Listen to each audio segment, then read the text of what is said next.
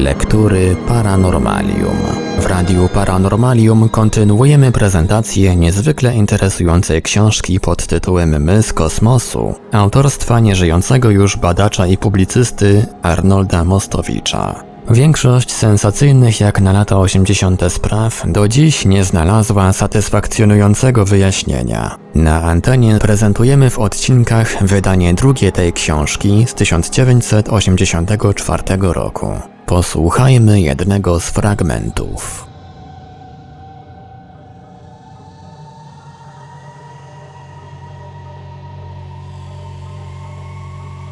Opowiedziana szczegółowo historia wybuchu z 30 czerwca 1908 roku o godzinie 7 minut 17 w tańce tunguskiej. Tego dnia, o tej właśnie godzinie, miało miejsce na Syberii wydarzenie, którego zagadkę nauka stara się z trudem rozwikłać. Wydarzenie, które ciągle wzbudza wśród specjalistów kontrowersje, które doczekało się potężnej bibliografii naukowej i popularyzatorskiej i które, gdyby się nieco inaczej potoczyło, miałoby być może konsekwencje wręcz dla ludzkości nieobliczalne. Mowa o wybuchu w tajce tonguskiej. Od czasu do czasu prasa przynosi kolejne informacje mówiące o ostatecznym wyjaśnieniu przyczyn tej gigantycznej katastrofy, która wydarzyła się w pobliżu rzeki Podkamienna Tunguska, prawy dopływ Jenisieju w kraju krasnojarskim. W dalszym ciągu niniejszej relacji postaramy się rozważyć, jak dalece owe, coraz to nowe wyjaśnienia i hipotezy służyć mogą za podstawę do dalszych badań, czyli w jakiej mierze odpowiadają rygorom naukowym. Dwaj autorzy, Thomas Atkins, profesor nadzwyczajny w Hollins College w Virginii oraz dziennikarz John Baxter, współpracownik londyńskiego Timesa, opublikowali pod koniec 1978 roku książkę pod tytułem The Fire Came By, czyli Przeszedł ogień, poświęconą szczegółowej analizie wszystkich okoliczności towarzyszących wybuchowi w tańce oraz omówieniu szeregu hipotez, jakimi próbowano wybuch ten wyjaśnić. Książkę poprzedził wstępem nie byle kto, bowiem sam Isaac Asimov. Wybitny amerykański uczony, znakomity popularyzator wiedzy i zarazem świetny pisarz. Książka oparta jest przede wszystkim na sprawozdaniach, opracowaniach i publikacjach radzieckich. Wykorzystano w niej najnowsze badania uczonych. Okazuje się, że mimo upływu lat badania te są ciągle uporczywie prowadzone. Książka ma charakter bardzo poważny, nie goni za sensacją i jest chyba najpełniejszym kompendium poświęconym temu tematowi. Być może, pisze we wstępie Asimov, że czytelnik nie zgodzi się z rozwiązaniem, które proponują autorzy, jako że opiera się ono raczej na niepewnych meldunkach niż na bezpośrednich dowodach rzeczowych, które zresztą w ogóle mogą nie istnieć. Niemniej warto zastanowić się nad zaproponowanym wyjaśnieniem. Rozpatrując bowiem owo wydarzenie w tym właśnie świetle, można uznać, że zupełnie celowo miało ono miejsce tam, gdzie nie mogło w żaden sposób zaszkodzić ludziom, jak gdyby ktoś na ludzki sposób próbował takiej katastrofy uniknąć. Koniec cytatu. A więc tego poranka, 30 czerwca 1908 roku, w środkowej części Syberii, nad rzeką Podkamienna Tunguska, niedaleko jeziora Bajkał, nastąpił potężny wybuch. Detonację słychać było w promieniu 800 km, a była ona tak silna, że ludzie znajdujący się nawet daleko od miejsca wybuchu przestali na chwilę słyszeć. Instytuty sejsmograficzne na całym świecie zanotowały wstrząsy o nieznanej dotąd sile. Konduktor kolei transsyberyjskiej zatrzymał pociąg w obawie, że wykolei się na wibrujących szynach. Gigantyczna chmura pokryła całe niebo. Na rejon tunguski spadł nagle czarny deszcz. W oddalonej od miejsca wybuchu Antwerpii niebo podczas wschodu słońca zapłonęło silnym blaskiem. W Heidelbergu noc nagle stała się tak jasna jak w Petersburgu. W Londynie ludzie zapytywali policję o przyczynę pojawienia się czarnych obłoków na czystym, błękitnym niebie. Wiele przyczyn złożyło się na to, że natychmiast po wybuchu nauka nie zainteresowała się tym wydarzeniem tak, jak na to z pewnością zasługiwało. Był to rok 1908. Ani nauka nie dysponowała środkami technicznymi mogącymi pomóc w wyjaśnieniu istoty tej eksplozji, ani władze carskiej Rosji nie były zbytnio zainteresowane tego rodzaju badaniami. Zresztą sam wyjazd w tak odległe rejony był w owych czasach eskapadą nader ryzykowną. I aczkolwiek prasa rosyjska i światowa rozpisywały się szeroko na temat zjawisk, jakie można było zaobserwować w odległości tysięcy kilometrów od miejsca wybuchu, to przecież bezpośrednich reporterskich relacji z terenu eksplozji, nie mówiąc już o okolicznościach i charakterze wybuchu, brak. Do 1921 roku wokół wybuchu nad Tunguską panowała cisza, a rok 1921, przypomnijmy, to likwidacja Kołczaka, to wypędzenie japońskich i innych wojsk interwencyjnych z Dalekiego Wschodu. To jednym słowem uwolnienie Syberii i tym samym stworzenie na tych terenach warunków umożliwiających jakieś poważniejsze badania. Ciekawą jest rzeczą, że w 1921 roku badania w rejonie rzeki Tunguski rozpoczęto z przyczyn jak najbardziej praktycznych. Otóż jeszcze przed I wojną światową Amerykanie próbowali odzyskać olbrzymie ilości żelaza, jakie powinny się znajdować w słynnym meteorycie arizońskim. Władze radzieckie przypuszczały, że przyczyną wybuchu w tańce był upadek meteoru, zresztą takie było wówczas powszechne mniemanie, i również zastanawiały się nad możliwością wykorzystania tego z nieba zesłanego surowca, jako że duże pojedyncze meteory zawierają najczęściej właśnie żelazo. Człowiekiem, który stanął na czele pierwszej ekspedycji mającej na celu odnalezienie ewentualnego meteoru był 38-letni wówczas uczony Leonid Kulik. Ciekawa to bardzo postać i warta osobnej karty.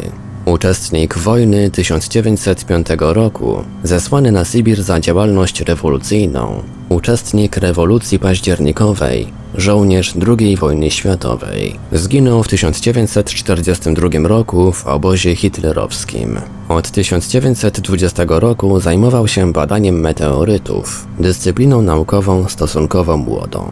Jak łatwo się domyślić, to ta właśnie specjalizacja naprowadziła go na ślad wybuchu w tańce tunguskiej i natchnęła ideą zorganizowania ekspedycji.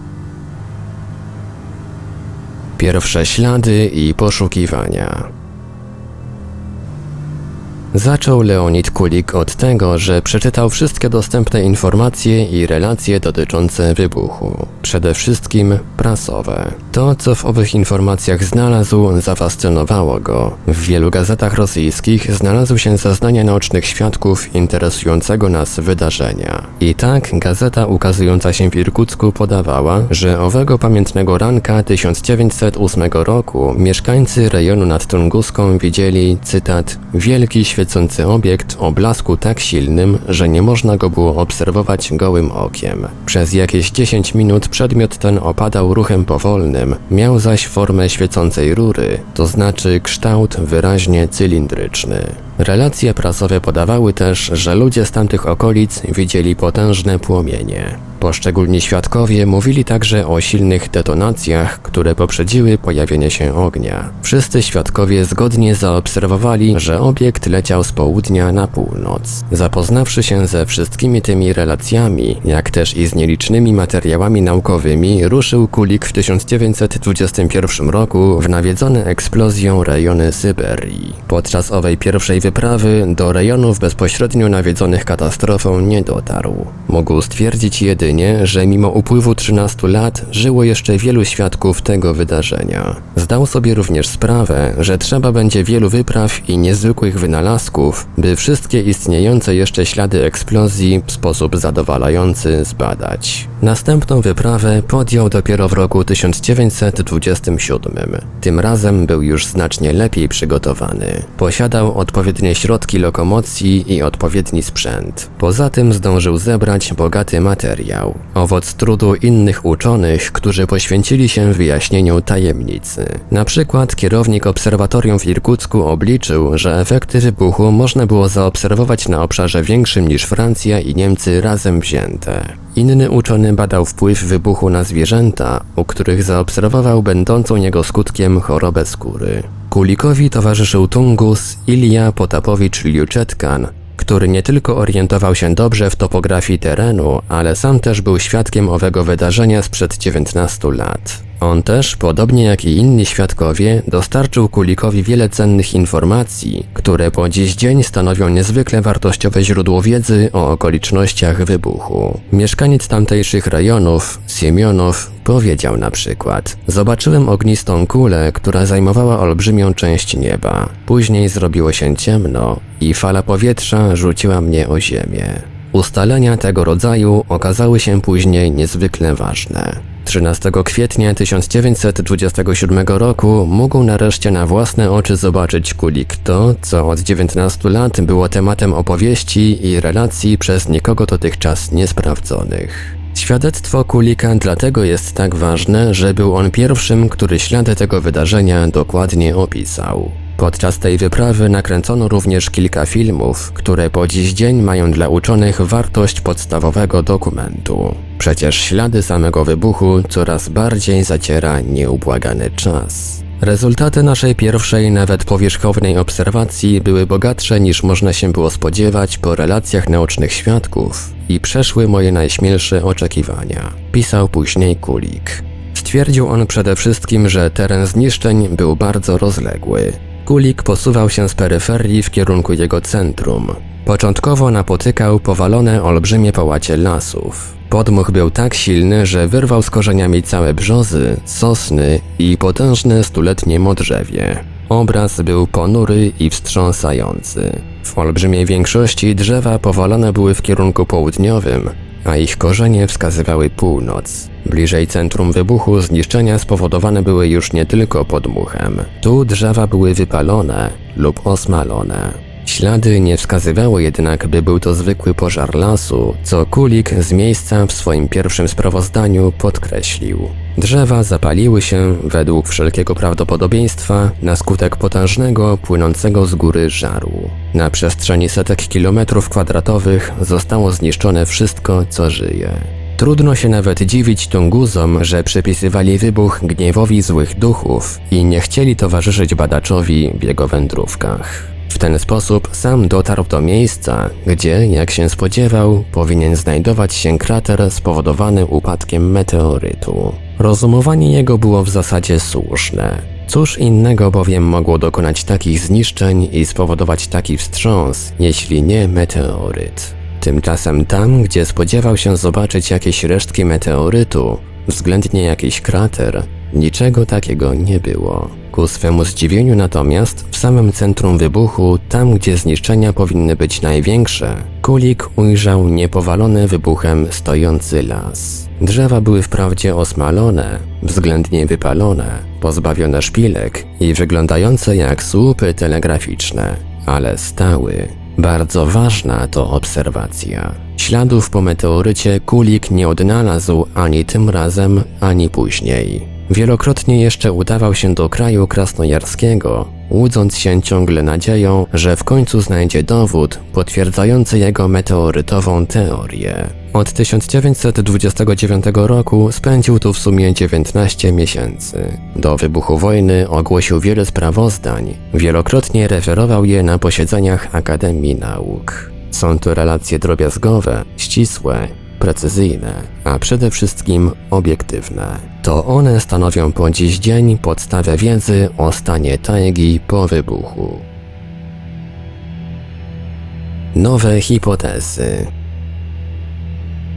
Sprawozdania Kulika wywołały zarówno w Związku Radzieckim, jak i na całym świecie ogromne wrażenie. Zaczęto się też wówczas zastanawiać, jaką katastrofę wywołałby podobny wybuch w rejonie zamieszkanym przez większe zbiorowisko ludzi. Przecież na tej samej szerokości geograficznej co podkamienna Tunguska leży na przykład Leningrad. Z relacji Kulika bardzo ciekawe wnioski wyciągnął amerykański astronom Charles B. Olivier. W 1928 roku pisał on w Scientific American. Trzeba powiedzieć, że w świetle relacji Kulika inaczej powinniśmy spojrzeć na mity czy legendy, które uznaliśmy za wytwór fantazji ludowej. Prawdopodobnie w wielu wypadkach obrazują one faktyczny stan rzeczy. Koniec cytatu. W 1933 roku inny uczony amerykański, Harvey H. Ninninger zażądał wysłania ekspedycji naukowej na miejsce wybuchu. Wybuch ten bowiem, jak twierdził ten uczony, Kulik opisał, ale go nie wyjaśnił.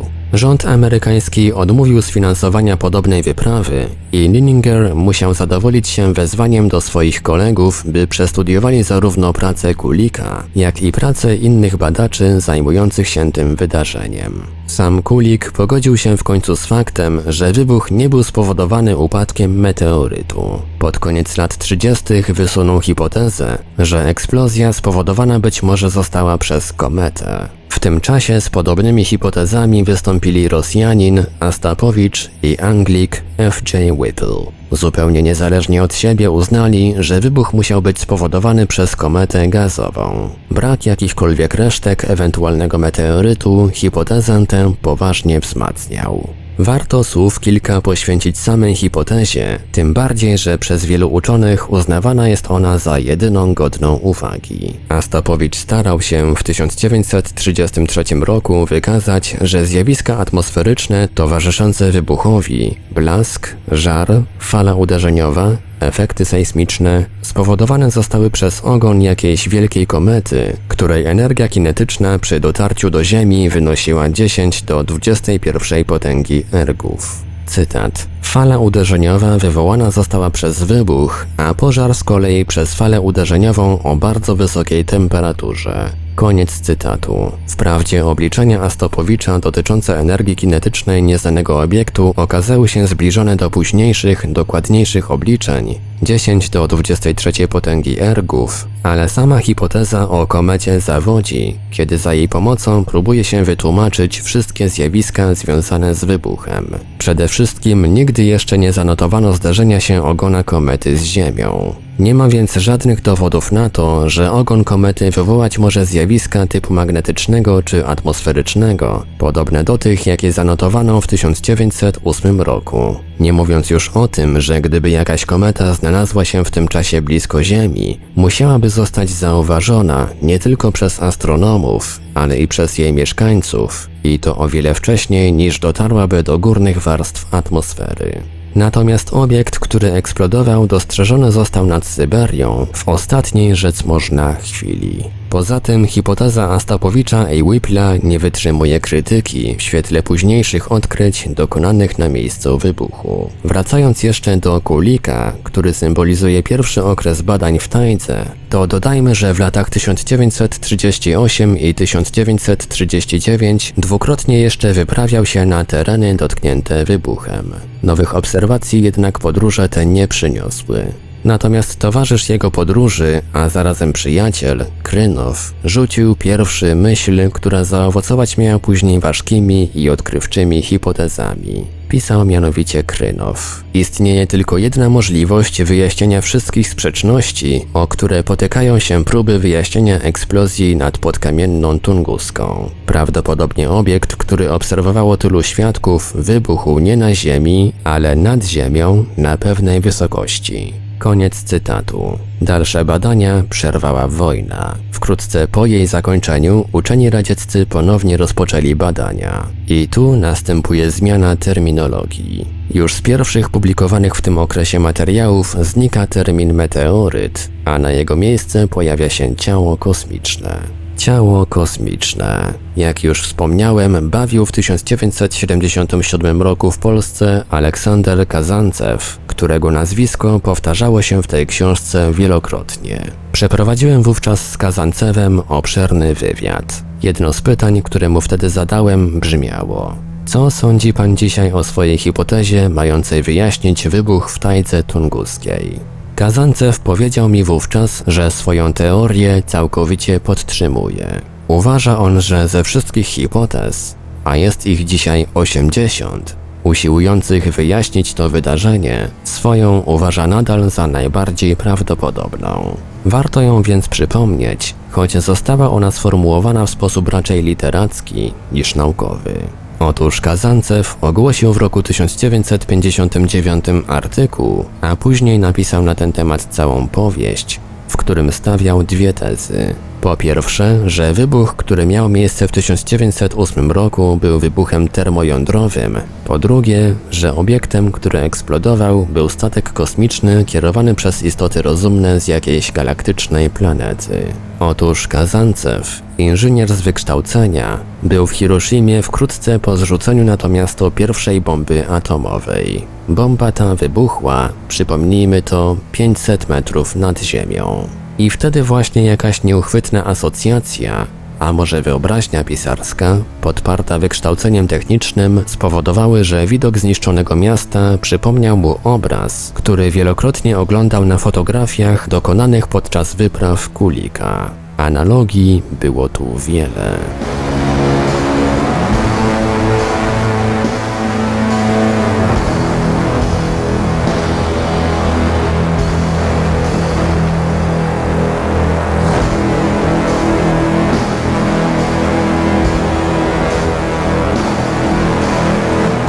Radiu Paranormalium zaprezentowaliśmy fragment książki Arnolda Mostowicza My z kosmosu.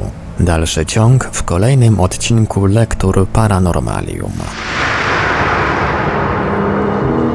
Archiwalne odcinki Lektur Paranormalium znajdziesz do pobrania w archiwum naszego radia na stronie www.paranormalium.pl.